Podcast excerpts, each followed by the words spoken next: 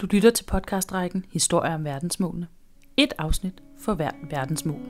Dette er syvende afsnit ud af 17. Her sætter vi fokus på verdensmål 7, bæredygtig energi.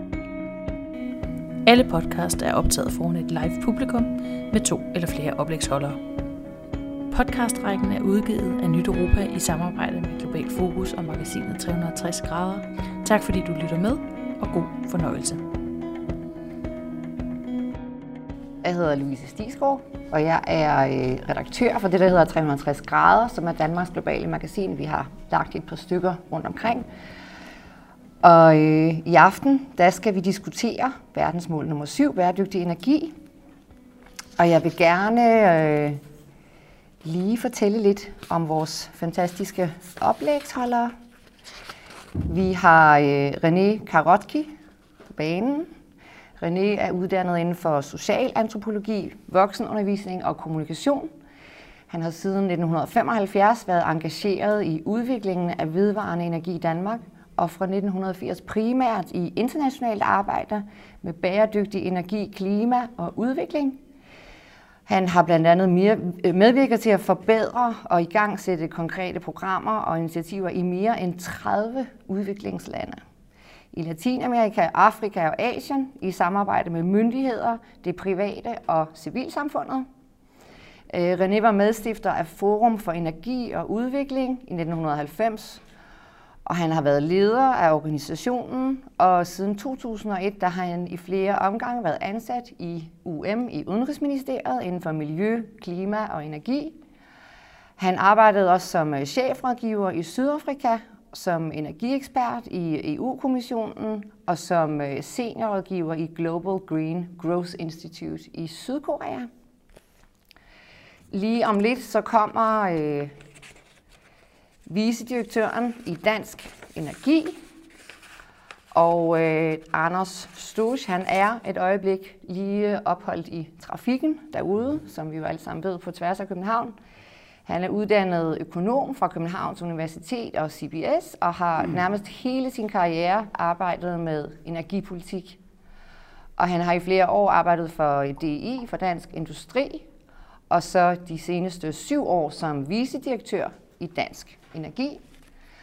Og så er vi så heldige, at øh, Christoffer Greisen også har lovet at sige nogle ord om det her utrolig spændende sted, som vi alle sammen, tror jeg, lige nu synes jeg er meget øh, spændende, og jeg tror, vi alle sammen er optaget af at høre lidt om, hvad er det, I kan, og hvad er det, I gør.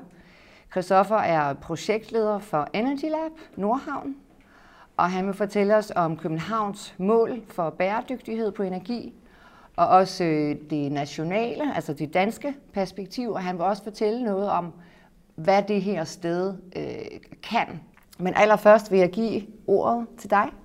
Ja, tak. Hvis du har lyst til at ja. fortælle om, om dine erfaringer og perspektiverne. Jo, det vil jeg gøre. Jeg vil ikke love, at jeg kan dække hele ULANDs dagsorden, men jeg kan komme med nogle, nogle øh, eksempler og sådan nogle ting på nogle af de problemstillinger, der er relevante. Øh, altså verdensmål 7 handler jo om at sikre universel adgang til energi. Så handler det om at fordoble energi, øh, brugen af vedvarende energi og fordoble energieffektiviteten. De har de tre delmål. Og øh, Øh, udviklingen inden for de der 3D må går faktisk relativt stærkt i de her år, også i udviklingslandene. Men hvis man kigger på de opgørelser, der jævnligt laves over, hvor langt vi er med målene, så øh, kan man stadigvæk se, at vi er bagefter på alle tre af de delmål, der ligger under SDG 7, eller verdensmål nummer 7. Så der er stadigvæk brug for at lægge mere pres på. Mere, der skal simpelthen mere pres på den her udvikling. Det skal accelereres. Og det gælder ikke kun i EU-landene, det gælder faktisk også i de rige lande. Så det gælder globalt set. Vi er bagefter. I EU-landene er det heldigvis sådan, eller det er sådan nu, at der er en stigende politisk vilje hos regeringerne til at gøre noget. Og det er jo selvfølgelig ret afgørende øh, for, at, at der skal ske noget fremad. Samtidig så er der også en udvikling på det teknologiske område, som er interessant. Vi kender den jo her fra vores danske udvikling, men mere og mere også i en, i en, i en sammenhæng, som er meget anvendelig øh, i udviklingslandene. Så der er altså nogle positive brækker at spille med, så at sige, men så er der selvfølgelig også nogle udfordringer, og den vigtigste af dem er jo altid adgang til investeringer. Der skal investeres meget i det her, hvordan får man mobiliseret de penge, der skal ind øh, og støtte, understøtte opbygningen af et bæredygtigt energisystem. Og det er jo specielt et problem i udviklingslandene. Et andet problem i udviklingslandene er også, at de har en begrænset kapacitet og viden og erfaring, og man sige, der er få mennesker, der arbejder med de her ting i deres administrationer, og derfor er de også begrænset i mange af deres handlemuligheder. Øh, hvis vi kigger på en sådan i bred forstand energisituationen i udviklingslandene, så har vi jo selvfølgelig et elsystem. Vi har et elsystem, som ikke dækker hele landet. Det dækker måske 10, 20, 30 procent af landet. og Det er primært industriområder og de mere velhavende by, byområder, øh, der er dækket ind af strøm. Her kommer el eller elektriciteten primært fra kul eller olie, og også i mange lande fra vandkraft. Vandkraft er faktisk en rigtig væsentlig øh, kilde til elektricitet i udviklingslandene. Men nettet, det når altså ikke ud over hele landet, og, øh, eller over hele, mange af landene, og det betyder jo så, at der er globalt set cirka, eller over en milliard mennesker, der ikke har elektricitet i dag. Og mange, mange af dem bor i faktisk i Afrika syd for Sahara, som på mange måder er der, hvor det, de største problemer og udfordringer ligger i de her år, også omkring SDG 7. Og når man ikke har strøm, så har man jo heller ikke adgang til mange andre ting, som vi jo kender. Altså man har ikke adgang til uddannelse, sundhed, eller i hvert fald begrænset adgang til uddannelse og sundhed. Det er svært at producere ting, det er svært at kommunikere også, som jo er så vigtigt øh, i, i, i vores tid. Der har lavet de her analyser af, hvordan det går med SDG'erne, og de siger nu, at hvis det kører, som det gør nu, så vil der stadig være 700 millioner mennesker, der ikke har adgang til elektricitet i 2030. Så vi er stadigvæk ser ud til at være langt bagefter. Og de, langt de fleste af dem vil bo i Afrika syd for Sahara. Så det er igen Afrika, der kommer op, når man begynder at diskutere de ting. Så er der en helt anden del af ulandets energisituation, som vi måske kender mindre til. Det er brugen af brænde og trækul og kul og affald til madlavning og opvarmning i husene. Det er, det er sådan så, at det er, der er globalt set cirka 3,5 milliarder mennesker, der er afhængige af den energiform til deres daglige madlavning. Og de fyrer så med de her ting inde i nogle relativt lukkede køkken, huse eller hytter. Og det giver altså en masse partikler i luften. Og på et niveau, som er op mod 100 gange større end det, der er tilladt fra WHO's side for eksempel, eller anbefale. Og det betyder jo så, at de bliver syge, de får lungesygdomme, og globalt set så mener WHO, at ca. 4 millioner dødsfald per år forårsages af år i køkkenet Så man siger det meget kort. Og det er jo et kæmpe, både et socialt og økonomisk og menneskeligt øh, problem. Og igen, når man kigger på status, så vil frem mod 2030, så vil der stadigvæk være 2,3 milliarder mennesker, der bruger de her former for energi, også i 2030. Så det er, altså, det peger meget på, at der er virkelig behov for at gøre noget. Og det er selvfølgelig meget med investeringer, som vi nævnte før. Der er jo ulige adgang til investeringer. Globalt set siger man, at de årlige investeringer skal fordobles fra det nuværende niveau frem mod 2030. Det er jo rigtigt nok, og det tror jeg, det kan man måske også mobilisere ressourcerne til, men problemet for et fattigt kontinent og nogle fattige lande i Afrika, det er, at de ikke kan, til, de kan ikke tiltrække de her investeringer på samme måde, som vi vil kunne gøre det. Fordi at de har ikke et system, og de har ikke et juridisk system, de har, de har mange andre ting i deres system, som gør, at de, det, er for risik, det er for risikabelt for investorerne i, i høj grad. Så det er en af de store udfordringer. Det er, hvordan gør man så det? Hvordan kan man udvikle de her systemer, sådan så at de også er øh, kan man sige, de også er tiltrækkende for investorer. På den, det er så meget det der med, det, det, det hovedproblem, synes jeg. Øh, der sker så nogle positive ting på teknologisiden. For eksempel falder priserne meget drastisk på solceller i de her år. Det er jo en kæmpe, det er virkelig øh, gået stærkt. Og vi ved jo også, at vindenergi eller vindkraften falder i pris. Så de bliver billigere, og det er jo selvfølgelig en kæmpe fordel.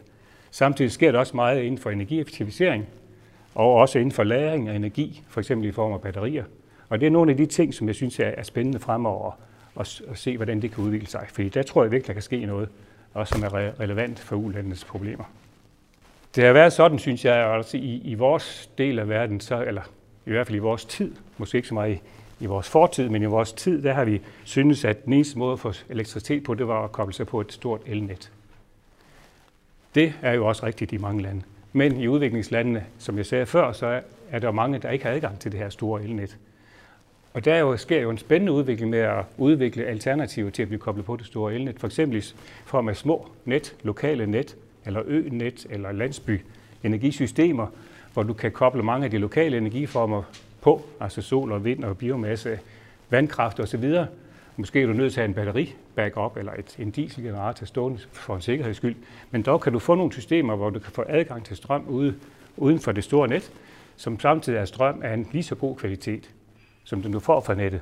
Det vil sige, at den kan bruges også til produktion, den kan bruges til inden for undervisning og, og sundhedssektoren selvfølgelig, og også i husholdningerne. Det, der har været problemet med mange af de tidligere systemer inden for vedvarende energi, det er, at de kun giver lavspænding. Det giver 12 volt eller 24 volt, og det, giver, det er meget sådan begrænset mængde af strøm, og det kan du ikke rigtig bruge. Sådan, du kan bruge det til nogle lamper og sådan nogle ting. Men du kan ikke bruge det rigtigt til at, til at trække nogle maskiner og ellers kunne have brug for. Så der, der, der, her, der, derfor er det spændende med de her mini-grids, som de hedder, øh, fremover. Hvis vi så kigger tilbage på det store net, så, øh, øh, så sker der også ting og sager der med kobling af vind og sol og så videre på nettet, og det er jo også, selvfølgelig også stadigvæk en vigtig del af, af ulandets dagsorden sammen med de her mini-grids, som jeg nævnte. Så har vi så i den tredje kategori, kunne man sige, nettet, minigrids, og så har du også det, man kalder standalone systemer. Jeg vil sige uafhængige systemer, der kører selv. Det er typisk, man kender det fra, fra sol, men nu snakker jeg engelsk igen. Solar Home Systems hedder det. Altså små systemer, der sidder på et hjem. Du har to, en eller to solcellepaneler på taget, og så har du batteri, og så har du en regulator. Så har du måske to lamper og en radio, og hvad du kan have kørende øh, for det. Ikke? Det er de der standalone-systemer. Man kender det også fra solcellepumper, som jo Grundfos herhjemme har været meget dygtige til at udvikle. Der, der har du jo en pumpe, der bliver trukket af en solcelle, og så pumper den vandet op i en tank. Og så kan du så hente vandet der. Øh, det, det, det, er nu, det er den type, man kalder standalone-systemer. Og der sker altså en gevaldig spændende udvikling der. Det går ikke helt så hurtigt på, de der, på den, den der traditionelle energiform med brændet, som jeg nævnte før. Der har man selvfølgelig haft, øh, man har fået erfaringer med mere effektiv produktion af trækul for eksempel. Trækul, når man producerer trækul traditionelt, så ud, ud, udsender det en masse drivhusgasser, altså mest metan. Og det er jo en meget kraftig drivhusgas. Så hvis man kan gøre det med effektivt og renere, så kan man hente noget der. Men også selvfølgelig forbedret komfort, øh, som måske bruger halvdelen af den energi, de ellers ville have brugt. Og så er der koblet en skorsten på, så røgen kommer ud af køkkenet, og den slags ting. Det arbejder man meget med, og det, det går også, øh, det, den udbredelse den går faktisk rimelig stærkt også. Øh, så er der også øh, nogle eksempler på, som også er interessante, det er faktisk at fortrænge brugen af trækul, som jo primært er de fattigste i byernes brændsel. At fortrænge det med flaskegas. Øh, det har faktisk en klimagevinst, viser det sig nu. Det var jeg selv lidt overrasket over, da jeg så på det, for hvorfor skal man introducere en fossil energiform? Men det kan man faktisk, fordi, eller med, med en vis retfærdighed gøre som en slags overgangsbrændsel, vil jeg hellere sige så, fordi at den nuværende produktion af trækul er så forurenende med metan og andre drivhusgasser, så det faktisk giver en kæmpe klimagevinst at putte, putte flaskegas ind i stedet for. Så det er nogle af de der ting, som, som arbejder med på den der øh, madlavningsside. Øh, hvis man så er, ja, altså det, det der er nødvendigt i udviklingen, det er også, at i udviklingslandet, det er jo også, at der, regeringerne skaber gode rammebetingelser. Og det er jo, jeg nævnte lidt før omkring investeringer. Der skal gerne være, nu kalder man det også god regeringsførelse i, i, i bistandssproget. Ikke? Der skal være et juridisk system, som er pålideligt, så du kan anlægge i sager osv. Der skal være øh, der skal ikke være ret meget korruption, eller i hvert fald så meget korruption som muligt, altså så lidt som muligt, mener jeg. Og øh, der skal også være sådan nogle ting, principper omkring øh, transparens og borgerinddragelse og sådan noget. Det er så på den side. Samtidig på den mere tekniske side, så skal der også være blandt rammebetingelserne gode muligheder for at slutte til nettet. Nettilslutning af vindmøller og solenergi og hvad det, hvad det kan være. Afregningsregler og forskellige andre ordninger, som, som så gør det muligt for os for den private, private investorer og private virksomheder at levere ind i det her store marked, som ikke er så udviklet endnu. Det er jo nemt nok for de store projekter at tiltrække investeringer. Altså hvis det er en stor solcellepark eller en stor vandkraftværk eller vindmøllepark, så er det relativt nemt at få de store banker og andre til at gå ind. Men du har de der små og lidt mellemstore systemer, så er det betydeligt vanskeligere. Og derfor er der brug for at, at gøre noget for at gøre dem mere attraktive.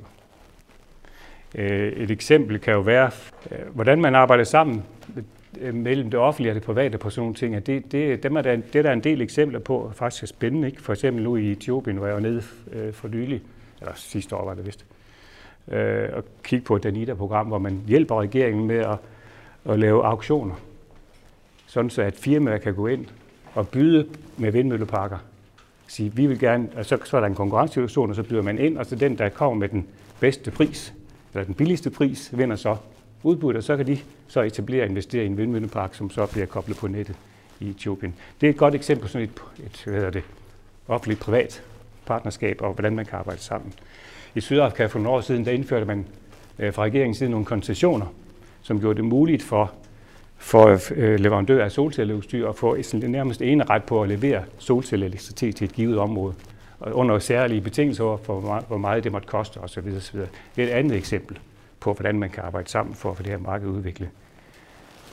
Et, et, et, et, et yderligere eksempel er, at hvor, det, hvor vigtigt det er med adgang til mikrofinansiering, øh, altså små lån, som gør det muligt for små økonomier, altså fattige familier, at investere. Og det er faktisk lykkes også i et, et pænt stort omfang i, i Bangladesh for eksempel, hvor der er 4 millioner af de her solar home systems, altså på, på husene, på hjemmene, som er finansieret via de her mikrokreditter. Så hele det der finansieringsspørgsmål er meget udfordrende og også, også spændende. Jeg kan nævne også nogle eksempler omkring, hvordan man betaler.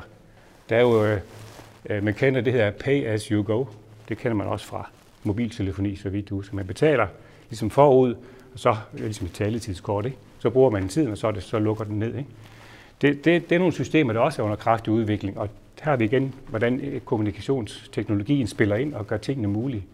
For eksempel har Grundfos jo udviklet til det, kalder LifeLink, som er et system, hvor du har en solcellepumpe, der pumper vand op i en tank, og så kommer du ind, øh, så er det koblet på et, et eller andet øh, pay as you go, eller hedder mobile pay system, så betaler du med din telefon ekstra antal, hvad det er, shillings, ikke?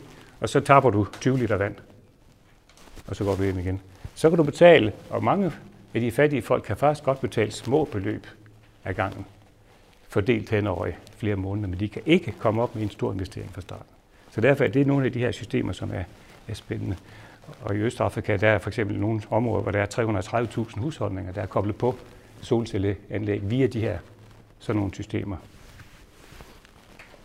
Så det er, det er jo et spændende område, og jeg kan sige også, at regeringerne prioriterer det jo meget. De her jo, ulandets regering deltager jo i klimaforhandlingerne og laver commitments, så mange af dem har jo faktisk forpligtet sig til et 100% vedvarende energimål. Jeg kan ikke helt huske, hvornår, men det, det er så et andet spørgsmål. Ja. Men øh, de er meget interesserede i det, og øh, øh, de har så de udfordringer, som jeg har nævnt, med, med, øh, med, øh, med øh, investeringer og også med kapacitet. Jeg er mange gange kommet til en regering i et uland og, og skal ind og diskutere med deres energiministerium om, hvad der nu skal ske her og der. Og så ser der faktisk måske to mænd, der er ansvarlige for alt deres arbejde med vedvarende energi i, det, i hele landet. Og det er virkelig, der er virkelig mangel på, på kapacitet. Det er ikke, de har en god vilje, de er også dygtige mennesker, men de har simpelthen de er for få til at klare det. Det er så en af de, en af de store udfordringer, det er det der omkring kapacitet. Jeg synes også her til sidst, jeg vil sige lidt om, hvad, hvad, hvad kunne Danmark gøre i, måske i den her sammenhæng. Øh, vi har jo faktisk igennem mange år arbejdet med, øh, med ulandene omkring vedvarende energi specielt. Jeg husker tilbage i 80'erne og starten 90'erne, tror jeg, hvor Danmark havde et godt samarbejde med Indien. Det var før Indien smed alle donorerne ud. Øh, omkring vindkraft, og hvor der, man etablerede en vindmølleprøvestation i Indien, og man fik gang i noget teknologisamarbejde mellem indiske og danske virksomheder, som så førte til efterfølgende, at der faktisk kom en stor produktion af vindmøller i Indien, som nu får øvrigt konkurrere med de danske vindmøllefabrikanter i dag. Det er sådan en anden, det er sådan en anden situation, men det er et godt eksempel på det der samarbejde. Og øh, der har også været, øh, i Thailand for, har man jo haft øh, det miljøbistandsprogram, der hed Danset først, og så, som så blev overtaget den i der, og der har man jo også haft meget energisamarbejde. Og det førte blandt andet til, at, at Thailand indførte nogle afregningsregler for, for vedvarende energi. Og det førte så igen, og det var så med dansk inspiration, det førte så igen til, at faktisk at markedet for vedvarende energi steg fra ca. 0,5 procent op til 10 procent i løbet af relativt få år. Det var faktisk en ret dramatisk øh, effekt. Og nu i dag har Thailand for ikke så længe til siden indvidet sin første vindmøllepark ind i det centrale del af landet, hvor ingen troede, det blæste. Øh, men det gør det altså åbenbart, når man så kigger nærmere efter. Ikke? Så, og jeg har også nævnt det der med Etiopien, øh, med, med, med, med auktionerne. Jeg kan også sige, at det, der også er vigtigt også for ulandene, det er det regionale samarbejde. Øh, fordi øh, de er jo små økonomier, og de har faktisk meget glæde af at arbejde sammen. Og de kan, hvis de kan handle elektricitet hen over grænserne, så kan de hjælpe hinanden. og hvis de kan tage fælles investeringer, for eksempel i nogle store energi, vedvarende energianlæg, så er det også en mulighed, der er værd at gå. Der synes jeg, at både det nordiske el-samarbejde, vi har, og også EU-samarbejde, kan også være, være gode kilder til inspiration. Og synes jeg også, der er en interesse, der må, der, der må være en dansk kommersiel interesse i det her, også fordi vi har jo mange, man kan kalde smarte virksomheder i Danmark, som kan finde ud af det her med de systemer, også de nye systemer med batterier og intelligente og smart grids og alle de der ting. Og der, her er jo et kæmpe område, hvor, hvor de virkelig kan kunne folde sig ud. Så det, det synes jeg kunne være, det, der, der tror jeg virkelig, der er nogle gode perspektiver for, for, for danske virksomheder også. Så kan man også snakke om danske investeringer, men det tror jeg, jeg vil ligge her. Men øh, for eksempel pensionskasserne, øh, de er jo tit villige til at investere i sådan nogle ting her, øh, fordi det, de kan godt klare de der langsigtede øh, investeringer. Øh, men det handler ligesom om at lukke deres øjne op for de her lidt mellemstore, og ikke, ikke kun gå efter de meget store investeringer. Yes. Spændende. Var det, var det et kvarter, eller var det? Ja, det var meget, meget Godt. helt perfekt tilpas. Godt. Og jeg vil spørge måske lidt mere ind til investeringerne om lidt. Det er meget, meget spændende. Øh, tak til øh, René, og øh, jeg vil gerne sige øh, velkommen til Anders. Du klarede trafikken. Øh, Anders øh, Stoke er vice administrerende direktør i Dansk Energi, og Anders vil sætte fokus på EU's kommende energiunionen og hvilke muligheder et så stort infrastrukturprojekt skaber for Europas fremtid. Men øh, tak for indbydelsen til at, at komme i, i dag og, og tale øh, EU's energiunion, også set i forhold til de her, kan man sige, øh, sustainability-mål. Og der er jo særligt et mål på det område, som er interessant. Ja, der er jo mange, men, men der er i hvert fald et mål, øh, som handler om øh, øh, at få adgang til øh, billig og, og ren energi. Og det er egentlig det, jeg vil tage som udgangspunkt for min, mit, mit indlæg her i, i forhold til EU, fordi der er mange sammenlignelige ting og parallelle ting, der foregår i EU, som direkte har at gøre med, øh, med, med, øh, med, med det her område. Øh, hvis man kigger på det og, og omsat til, til handling, der er mål nummer syv, som hedder Affordable og Clean Energy. Øh, clean Energy skal jeg lige komme tilbage til, fordi det kan have mange øh, fortolkninger for, hvad det er. Og det er der også en stor øh, diskurs eller stor dis- diskussion om i, i EU. Men dykker man ned under øh, øh, mål nummer syv, så, øh, så, så er der pindet en række delmål op, der, der handler om, at man skal have, have adgang til øh, øh, billig øh, og troværdig, eller noget man kan stole på, energi, der er der, og, og moderne energi. Øhm, og det er, hvis man kigger i EU, så er der en, en, en næsten en fuldstændig pendant til det, fordi EU, hvad er det, vi diskuterer der? Det er konkurrenceevne, altså billig energi, så der var en direkte link. Der man vi diskuterer forsyningssikkerhed, det vil sige, at man diskuterer i forhold til, nu vi tager mål nummer syv, jamen så er det over til øh, energi, som man kan, kan regne med er der. Og så er der øh, klima i EU som den tredje, det tredje ben, og det kan man måske fortolke over som moderne energi, hvis man, hvis man er, er, er, er lidt villig. Øh, så der er en fuldstændig øh, pangdang på, på det område, vil jeg sige. Så derfor meget af det, der sker i EU og, og med Energiunionen, som lige nu er godt på vej, det skal jeg lige komme tilbage til hele det forløb. Øh, men der, det skulle gerne i løbet af det her år, så skulle vi næsten faktisk være på plads, eller vi skulle faktisk være på plads med EU-lovgivning på det, så handler det om national implementering øh, på det her område. Øh, så er der også øh, under mål nummer syv, så er der, i, man siger, at man skal, man skal øge substantielt andelen af, af vedvarende energi øh, på global plan. Øh, og det tilsvarende i EU, er der jo et egentligt direktiv, der, der håndterer det spørgsmål og tager fat i, øh, øh, i øh, hvor meget vedvarende energi vi skal have i EU, øh, hvordan det skal, det skal komme. Øhm, nu skal man så lige holde øje med det der ord clean energy i, øh, i mål nummer 7, affordable and clean energy. Hvad er det? I EU er diskussionen clean energy, jamen det kan jo være atomkraft, siger man. Franskmændene er jo meget fokuseret på clean energy i den her sammenhæng. Øh, og det er også en diskussion, som man møder ude i, i den store verden. Øhm, man møder også diskussionen, at gas er jo det er jo renere end kul. Det er jo for så vidt i nogens optik, hvis man tager gasindustriens synspunkt, så er det også clean energy. Øh, det er jo, man begynder at blive kontroversielt, det her kan man jo godt mærke. Øhm, og endnu mere kontroversielt, moderne kulkraftværker, hvis man nu bor i Polen øh, eller et østeuropæisk land, jamen det er jo øh, faktisk, øh, det er jo faktisk øh, et, nogle kulkraftværker, der udleder mindre CO2 end, kan man sige, den, den gamle type. Så det er jo faktisk i deres optik også øh, øh, ren energi. Så der tales positivt om clean coal. Øh, det vil jeg så mene, at den, den rejse, jeg har beskrevet her, eller de elementer her, er, hører, hører fortiden til. Øh, som man, man skal tage, tage meget alvorligt og sige, jamen, hvad er det egentlig, vi vil have? Vi vil have vedvarende energi. Så ordet clean energy, man skal bare huske med det samme at sige vedvarende energi, og ikke begynde at tale om alt muligt andet. Men det bliver der jo talt om, og det bliver diskuteret hæftigt øh, rundt omkring i verden, og det bliver også diskuteret hæftigt i en, i en EU-sammenhæng. Øhm, så er der energieffektivitet, som jeg også øh, øh, læser ind i, kan man sige, i, i det at have øh, moderne, øh, moderne energi. Og det er jo så øh, punkt nummer, kan man sige, 7.3 under, under 7'eren, at øh, der, man skal fordoble den, den globale øh, øh, rate med hensyn til forbedring af energieffektivitet. Og tilsvarende går vi ind i EU, så er der jo et helt kæmpestort øh, øh indsatsområde på det. Energieffektiviseringsdirektiv, øh, øh, bygningsdirektiv, øh, der, der kigger på, på, på energieffektivitet. Det skal jeg komme lidt tilbage til, øh, fordi her er der jo altså også begyndende en, en, en diskurs, øh, eller en, en diskussion, som jeg mener er, er fejlagtig med hensyn til, øh, skal vi bruge mere? Og det er jo fordi, som vi hørte før, den vedvarende energi falder rigtig, rigtig meget pris.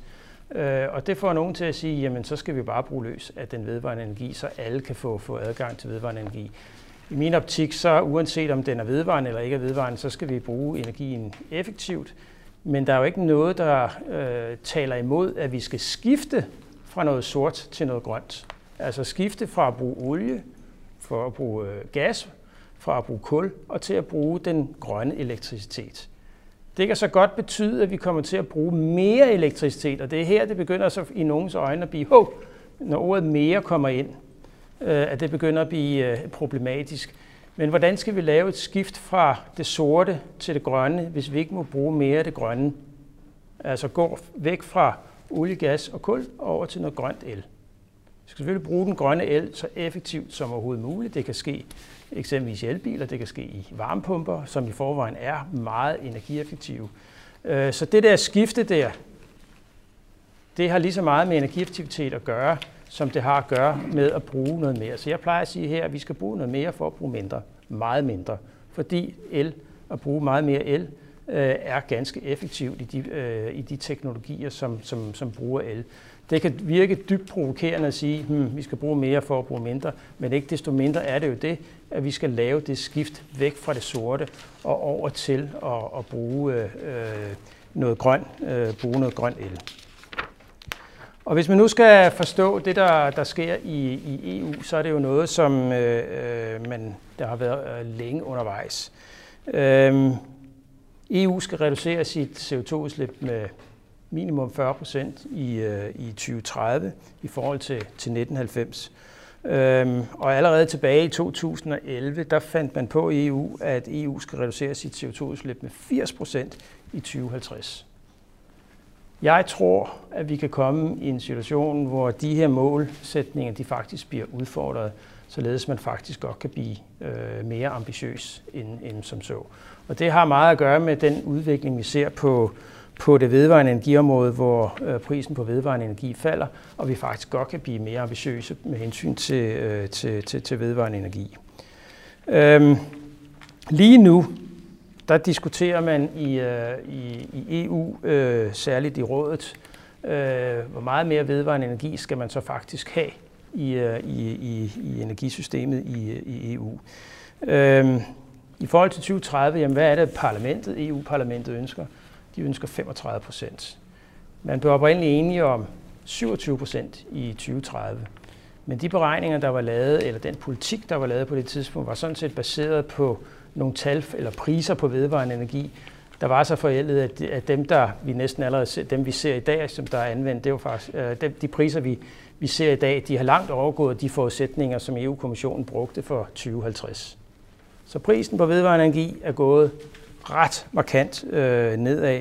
Så derfor så tror jeg, at den diskussion, der er om, hvor vi skal lægge os på, på, øh, på vedvarende energi, den kommer til revision. Øh, rådet og det vil sige øh, hovedparten af medlemslandene de i EU, de siger, at vi skal havne på 30 procent. Vi kom fra et, en udmelding fra kommissionen på 20 procent, og parlamentet siger 35 procent øh, sammen med en, en, en, øh, måske en lille håndfuld medlemslande. Medlemslandene er repræsenteret i rådet, og det er jo det, så skal der være en diskussion mellem parlamentet, rådet og, og kommissionen om, hvor vi skal havne, og det er det, der pågår lige nu.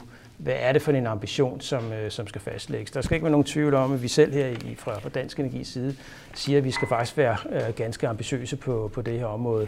Og de 30 procent, som der nu ligger fra rådets side, mener vi faktisk er, er, er uambitiøse i forhold til de priser, vi ser på, øh, på, på vedvarende energi. Så jeg håber da på, at man i en rådssammenhæng kan trække i, i retning af noget mere ambitiøst. Men man skal ikke tage fejl af, at det her det er blevet virkelig, virkelig stor politik.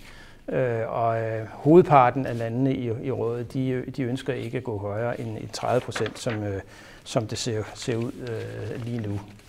Kan vi håbe på, at, at tingene ændrer sig. Men energiunionen som sådan, det her, det er jo en del af et, en, en samlet, kan man sige, energiindsats, energistrategi for, for EU. Og energiunionen som sådan består af en række pakker. Øh, den består af en, øh, en gaspakke, består af, kom, der var gas, som jeg, jeg talte om før. Den består af en klimapakke, og så består den af en Øh, en, en, en, noget, der hedder en Clean Energy Package, som egentlig handler om hele elsystemet i EU. Det var noget, hvis man starter med gaspakken, det var noget, der kom tilbage i februar 2016, som egentlig handler om, at man skal udvise solidaritet i EU omkring gas. Og I kan godt mærke, hvor jeg begynder at tale hen af, det er, at hvis man udsættes for, at der bliver lukket for gassen et vist sted fra, jamen så skal man være solidarisk om at dele den gas, der er i EU. Eksempelvis hvis slovakkerne de oplever, at der bliver lukket for gassen østfra, jamen så skal nabolandene lukke ned for deres gas til deres virksomheder, så husholdninger blandt andet i Slo, Slo, hos slovakkerne, de, øh, så, kan de få, øh, så kan de få gas. Det er jo noget, som vores østeuropæiske medlemmer i EU går ganske voldsomt op i, fordi Østeuropa i EU er meget afhængig af gas. Der er nogle steder, hvor det alene er gas, og det vil sige, at de har sådan set ikke noget alternativt her og nu. Det kan de få på sigt, men gas det er det, som, som øh, får deres, deres samfund til at, at løbe rundt. Så derfor har de en stor interesse i um, at få øh, øh skabt en solidaritet omkring delingen af, af gas. I juli 16 så kom der så en, øh, en klimapakke fra EU, og hvad handlede det så om? Jamen det handlede om, øh, at de her 40 procent, som jeg talte om før, vi skal reducere vores CO2-udslip med i 2030. Det skal dels foregå i et system, der øh, det der hedder CO2-kvotesystemet. Det er en masse virksomheder og energiselskaber, der omfatter CO2-kvoter med et loft over. Og dem, der er gode til at reducere udslippet af CO2, jamen de kan sådan set sælge deres kvoter til nogen, der ikke er så gode. Men der er et loft på, hvor meget man må slippe ud alt i alt. Øh, det, der er sket efter den finansielle, eller under den øh, økonomiske og finansielle krise, det var sådan set, at vi, man fandt ud af, at der er simpelthen delt alt for mange gratis kvoter ud til dem, der kan, der kan udlede øh, CO2. Og det vil sige, at CO2-kvotemarkedet har indtil dato været oversvømmet af CO2-kvoter, og I ved, når udbuddet er større end efterspørgsel, hvad sker der så? Så falder prisen, og det vil sige, at prisen for at øh, udlede, det bliver simpelthen meget, meget lav. I bund og grund har CO2-kvotesystemet ikke vist, at det, det virker. For det var også egentlig også det, der skulle drive den grønne omstilling og give signal øh, til, at man, man, man, man, man, man omstiller. Men det, det i parken der, i klimaparken, der var et, en reform, som man skal færdiggøre nu, øh, lukke endeligt, øh, om at suge kvoter ud af markedet, således at man ligesom fjerner det overskud. Det kommer bare til at gå rimelig langsomt, øh, sådan som, som vi vurderer det. I den anden del af klimaparken, hvad handlede det om? Det handlede om, hvad skal der ske i, i vores bygninger, hvad skal der ske i transporten, og hvad skal der ske i landbruget. Hvor meget skal de reducere udslippet med? Der har Danmark fået en, eller får en, en, en reduktionsforpligtelse på, på 39 procent. Og der mener vi, at det, der skal ske i bygninger og i, øh, i, øh, i øh, øh ikke landbruget, men i transporten, at det er meget elektrificering. Hvis man nu kan få el ind i, de, ind i bygninger, ind i transporten, og således sørge for, at det er elsektoren, der leverer grøn strøm, jamen så er man med til at løse den her forpligtelse, der ligger øh, på, øh, på bygninger og transport. Og så må man så se i sidste ende, hvad der så er tilbage. skal huske på, at landbruget også er et konkurrenceudsat erhverv, så vi skal passe på ikke at lægge øh, unødige øh, øh, kan man sige, bindinger på, øh, på det erhverv. Så lad os nu få, få fokus på transporten. Det er jo et smertenstyr i, i en dansk og i øvrigt også i en europæisk kontekst, at man ikke kan omstille hurtigt nok til kan man sige, elbiler i, i, i transporten. Tager man til Kina, det buller der ud af med, med elbiler, de vil simpelthen være verdens elbilsnation. De introducerer elbiler i, i, øh, i lange baner. Øhm, det sidste, som jeg nævnte før, det var så, at kommissionen introducerede en, øh, øh, i, november 2016 det, der hed en, det er en, egentlig en elmarkedsreform, men det er jo Clean Energy Package, som handlede om, hvordan skal vi evne i elsystemet at optage alt den vedvarende energi? Hvordan skal systemet være designet, når, når, når, når elen den kommer meget fluktuerende? Øh, hvordan skal vi optage det? Hvordan skal vi dele os deles om det på tværs af landene? Øh, hvordan skal adgangen være til at handle elektricitet på, på, på tværs af landene? En del af den her Clean Energy Package handlede så også om et V-direktiv. Øh, det handlede om øh, energieffektiviseringsdirektiv, øh, og der var gode kræfter i, i parlamentet. Øh, det var særligt Ben Benson og Morten Helve, der, der fik hævet et, en, en, en god beslutning i parlamentet hjem der omkring det, øh, som nu ligesom skal lukkes af sammen med, med, med rådet øh, på, på nuværende tidspunkt. Øhm, og det er sådan set Energiunionen. Det var en gaspakke, en klimapakke, og så den her Clean Energy Package. Og det er det, som vi skal til at lukke af øh, inden årets udgang, således at vi ved, hvor vi skal bevæge os. Eller vil næsten sige, hvordan, dels ved, men også hvordan vi skal bevæge os frem imod øh, mod 2030 øh, på, det her, på, på det her område.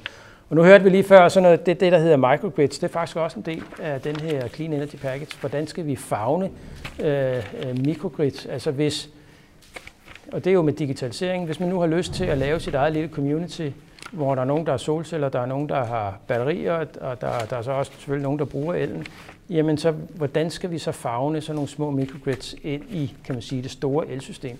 Det er faktisk også en del af, af, af selve pakken. Øh, der er et, et rammeværk for, hvordan man skal omfavne øh, små øh, lokale øh, energisamfund, som også en, bliver en del, skal være en del, øh, medmindre man gerne vil have kappet sine elledninger til det store system, så skal det være en del af det store elsystem. Hvordan skal interaktionen så være mellem sådan et microgrid og, og, det, og det større elsystem?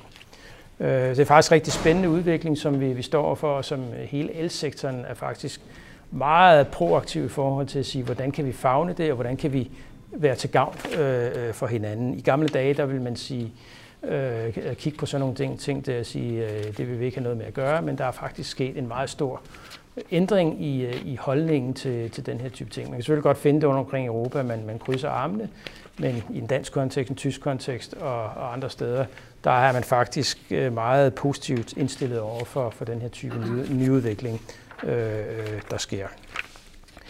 Øhm,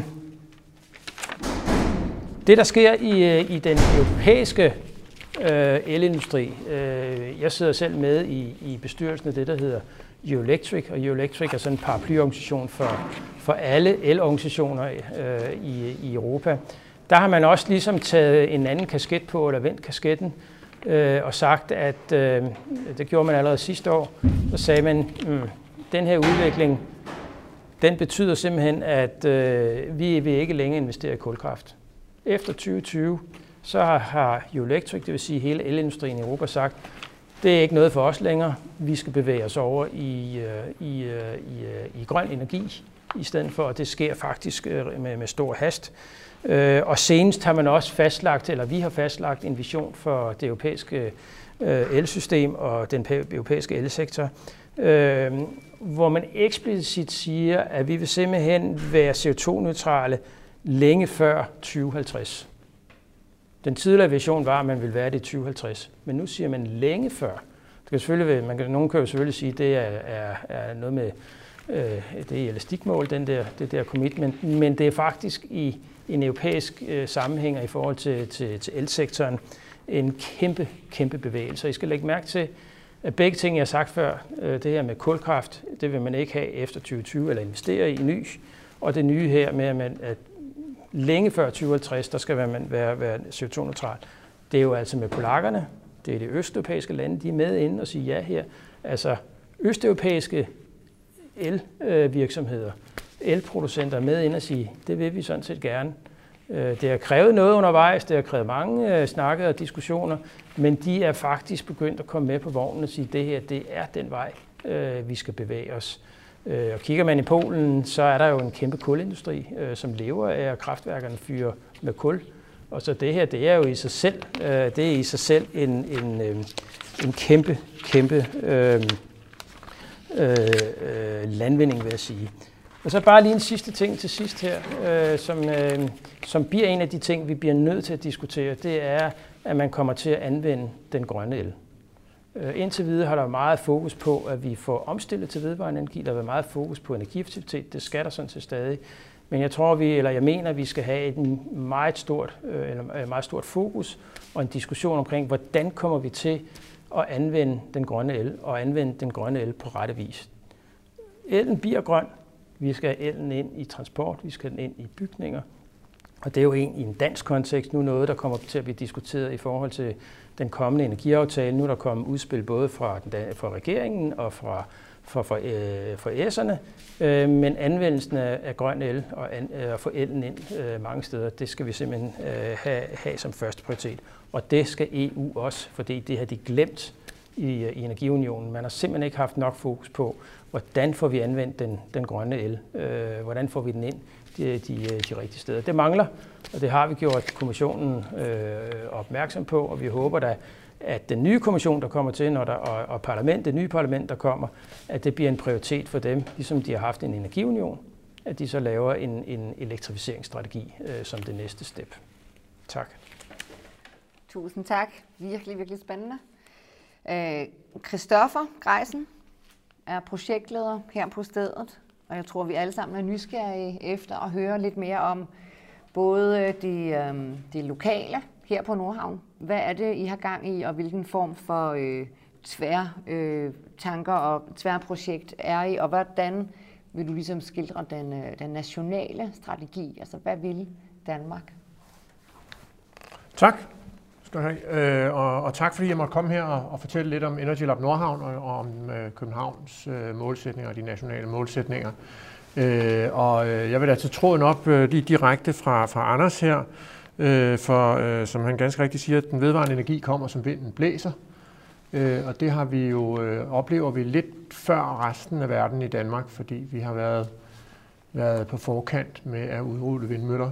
Øh, det er jo vores allesammens forgængere, der, der øh, kan tage æren for det. Øh, og, og det betyder, at vi har en, øh, en udfordring. Øh, samtidig har vi også nogle meget vedholdende politiske mål. Vi har jo gået foran, før SDG'erne blev op, opfundet, så har man i Danmark sat et mål om at være fossilfri i 2050. Det var vist nok en, øh, noget, man tænkte, det er helt øh, det er helt ude i hampen og alt for ambitiøst, var der i hvert fald nogen, der tænkte. Men nu er det jo noget, som alle siger rundt omkring i landskabet. Øhm, så det er det primære nationale mål, det er den her fossilfrihed i 2050, øh, som også er en af årsagerne til, at Energy Lab Nordhavn er her. Øh, så er der selvfølgelig vores lokale øh, københavnske målsætning om at være øh, CO2-neutral i 2025. Det er lidt mere øh, inden for tidshorisonten. 2050 det er jo langt ude i fremtiden. Jeg er sandsynligvis gået på pension Øh, men, øh, men det andet det er altså tættere på. Så, øh, så der skal gøres noget. Øh, og, øh, og det er også en af årsagerne til, at det lykkedes at få, øh, at få stablet det her projekt Energy Lab Nordhavn på benene. Øh, det er et af mange smart energiprojekter, som, som drives i Danmark og i, øh, og i Europa og i, altså også i vores nabolande. Øh, vi er jo heldige at have et, øh, i modsætning til, til ulandene, som vi hørte om tidligere, øh, relativt gode muligheder for at få finansiering til at udtænke de her ting. Øh, og vi har her at gøre med et, øh, med et øh, rigtig stort projekt støttet af, af EUDP, et dansk energistøtteprogram. Øhm, vores mission er temmelig godt hængt op også på, på målet om bæredygtig energi. Øh, det handler nemlig om at udvikle og demonstrere nye løsninger til at designe og drive fremtidens integrerede energisystem, baseret på Nordhavn som et levende laboratorium med global synlighed. Øh, og derfor er jeg også rigtig glad for at kunne være her i dag. Øh, og lige præcis det her med det integrerede energisystem, det, det, er, det er en fundamental tro, vi har på, at, øh, at det er det, vi skal arbejde med her. Øh, mange andre steder arbejder man kun med el, øh, og det hænger jo sammen med, at vi i Danmark har en meget, meget veludviklet fjernvarmesystem, og, øh, og specielt en by som København har jo haft øh, obligatorisk fjernvarmetilslutning i årtier, så øh, det er vi relativt stolte af. Øh, men øh, vi tror også på, øh, og, har, og sagkundskaben siger også, at der er rigtig meget at hente ved at koble energisystemerne og udnytte den fleksibilitet, vi har i øh, fjernvarmesystemet øh, og, øh, og i varmesystemet i det hele taget. Øh, I boliger øh, og i øh, transport omkring øh, batterier, omkring, omkring elbiler. Øh, René nævnte tidligere det her med, hvordan solceller rasler ned i pris. Øh, det gælder jo også for batterier. Men øh, når man regner på energimængderne, så vil man også se, at øh, når man regner efter, at der er meget, meget store energimængder i det termiske net. Øh, så derfor er øh, koblingen mellem nettene øh, ret vigtig. Og som jeg vender tilbage til, det her med den fluktuerende energi. Vi får altså, vi skal blive bedre til at anvende energien, når den er der. Vi skal være bedre til at lære den, og vi skal være mere kreative omkring, hvordan vi lærer den. Øhm, og det kan vi gøre på rigtig mange forskellige måder, og derfor er lige præcis den her Clean Energy Package jo rigtig vigtig. Øh, den, øh, den viser, at vi, skal, at vi skal finde løsninger, der tillader os at skifte vores energiforbrug i tid og rykke rundt på det mellem energiformer. Øh, så vi ikke bare tager det for givet, ligesom vi, der er jo ingen af os, der forventer, at vi skal betale det samme for en kop kaffe, uanset om vi skal have den nu nu på Starbucks, eller når vi kommer hjem og kan vente med at lave den selv. Øh, men det har vi en eller anden grundlæggende antagelse om, at en kilowatt-time skal koste det samme, uanset hvornår den leveres og hvor den leveres. Og det skal vi nok gøre lidt op med, øh, for at få de rigtige løsninger, som, øh, som minimerer øh, CO2-udslippet og øvrige klimabelastninger i virkeligheden. For som Anders sagde, det er jo sådan set ikke energiforbruget i sig selv, der er problemstillingen. Det er jo de eksternaliteter, vi kommer med. Så øh, det tumler vi med her i, i Energy Lab Nordhavn, øh, som er det her kæmpe store projekt, hvor vi har både by og byudvikling og en række industripartnere, øh, som, øh, som alle sammen er til stede her. Øh, både store spillere som ABB og Danfoss og lidt mindre øh, rådgivende ingeniørfirmaer som Balslev. Og øh, vi har en række forskellige øh, afprøvninger, hvor vi arbejder med varmepumper selvfølgelig. Øh, både store, øh, som opstilles af, af HFOR, vores fjernvarmeselskab, for at afprøve det her med varmepumper. Øh, vi afprøver, hvordan vi kan gå til endnu lavere temperatur, decideret ultralav temperatur fjernvarme. Det er en nødvendighed for, at vi kan udnytte spildvarmen bedre, øh, og dermed få, få øh, basalt set få fyret mindre for gråspåne. Øh, vi skal selvfølgelig udnytte den lokale energiproduktion. I en by, en tæt by som, som, øh, som København og, og i særdeleshed Nordhavn her, så tror jeg ikke, det er det her med at gå decideret off-grid. Altså vi er, vi er filtreret ind i vores omgivelser, vi er filtreret ind og bundet op på vores omgivelser. Så de løsninger, vi skal finde her, det er nogen, hvor vi er bundet sammen, men måske også decentralt kan det være noget mere resiliens og lidt mindre afhængighed af, af nogle af de globale ting. Øh, så, så afhængigheden af den russiske gas og sådan noget, det er selvfølgelig klart. Den, øh, den ønsker vi ikke. Så, øh, så ved at være bedre til at udnytte den lokale energi, ved at være bedre til at øh, lave øh, de fleksible løsninger og udnytte den lokale læring, så, øh, så kan vi også være bedre til at løfte vores del af, af energiudfordringen. Øh, så vi laver nogle af de her øh, koblinger mellem det elektriske net og det termiske net og transporten gennem selvfølgelig øh, varmepumper øh, og gennem helt almindelige elradiatorer og elstave i helt ude hos øh, slutforbrugeren. Øh, Og blandt andet for at besvare spørgsmålet om, hvor, lang, hvor længe vi skal og hvor meget vi skal bruge biomasse. Vi bruger jo biomasse i, i Danmark i stor stil. Øh, det er jo øh, per definition bæredygtigt, øh, men der er i hvert fald en del af sagkundskaben, der, der stiller spørgsmålstegn ved, om den, øh, den definition bliver ved med at holde. Så om vi om 10 år vil stadig vil kunne påstå, at biomasse er bæredygtigt. Øh, det er et rigtig godt spørgsmål, og det er også meget kontroversielt. Øh, så hvad vi også kigger lidt på, det er, hvad, hvad lokale energifællesskaber kan gøre for os. Øh, både her i Nordhavn, og det kan man selvfølgelig også forestille sig rundt andre steder i, i byen. Øh, og vi har selvfølgelig øh, en ny by, hvor vi kan udvikle løsningerne og rulle dem ud med det samme i det næste byggeri, og vi kan sørge for, at øh, bygherrer og entreprenører øh, underentreprenører osv. kan se løsningerne og være med til at udvikle dem og, og genbruge dem, enten bare lidt længere ude i Nordhavn, bare over på Levantkaj, hvor man skal have 10-15.000 mennesker boende om 10-15 år, eller øh, eventuelt rulle nogle af løsningerne ud i en lidt større skala i, i EU-landene eller i andre europæiske lande, øh, hvor de eventuelt har nogle andre formål øh, og nogle andre rammebetingelser. Og derfor er det rigtig spændende, at vi, at vi også er landet med at, at kunne lave, øh, etablere os her også fysisk med, med et showroom og en energihop omkring, hvor vi kan, kan samskabe løsningerne, både med, med nogen som jer og med de lokale beboere, som der er i omgivelserne, og med de lokale øh, virksomheder, som skal, skal rulle løsningerne ud. Øh, så der har vi skabt et rigtigt levende miljø, og et sted, som, øh, som kan bruges til det ene og til det andet. Så øh, så der vil jeg, jeg tror faktisk, jeg vil slutte her, og så øh, give ordet videre. Så tak fordi jeg måtte være med. Jeg tænker, vi tager lige øh, et kort spørgsmål til hver. Tusind tak til dig, Christoffer. Øhm, så Christoffer, hvis jeg lige må spørge dig, og de, jeg vil gerne have, at I svarer kort, fordi vi skal ligesom øh, øh, videre i teksten, og solen skinner øh, udenfor. Øh, hvis du ligesom skal sige, hvad kan Energy Lab Nordhavn, hvad kan I ligesom inspirere øh, verden med? Altså hvad, hvad, hvad, hvad er det særligt danske, hvad er det særlige, som I kan her i, i det her øh, spændende lab? Det vi kan her i forhold til, til verden, det, det vil jeg sige, det er denne her øh, integration mellem, mellem el- og varmesystemet.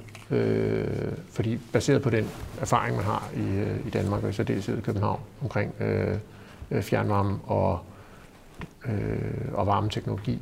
Øh, så så det, det, det tror jeg er den kobling, det er det særlige, vi kan, øh, og så kan vi vise øh, løsningerne i praksis, hvordan vi, hvordan vi gør det i praksis. Meget spændende. Tusind tak. Det er jo så dejligt at høre det her med, hvad Danmark kan, og vi har været før øh, mere ambitiøse øh, før verdensmålene. Øhm, René, jeg kunne godt tænke mig at spørge dig, det lyder så spændende, det du siger omkring øh, investeringerne.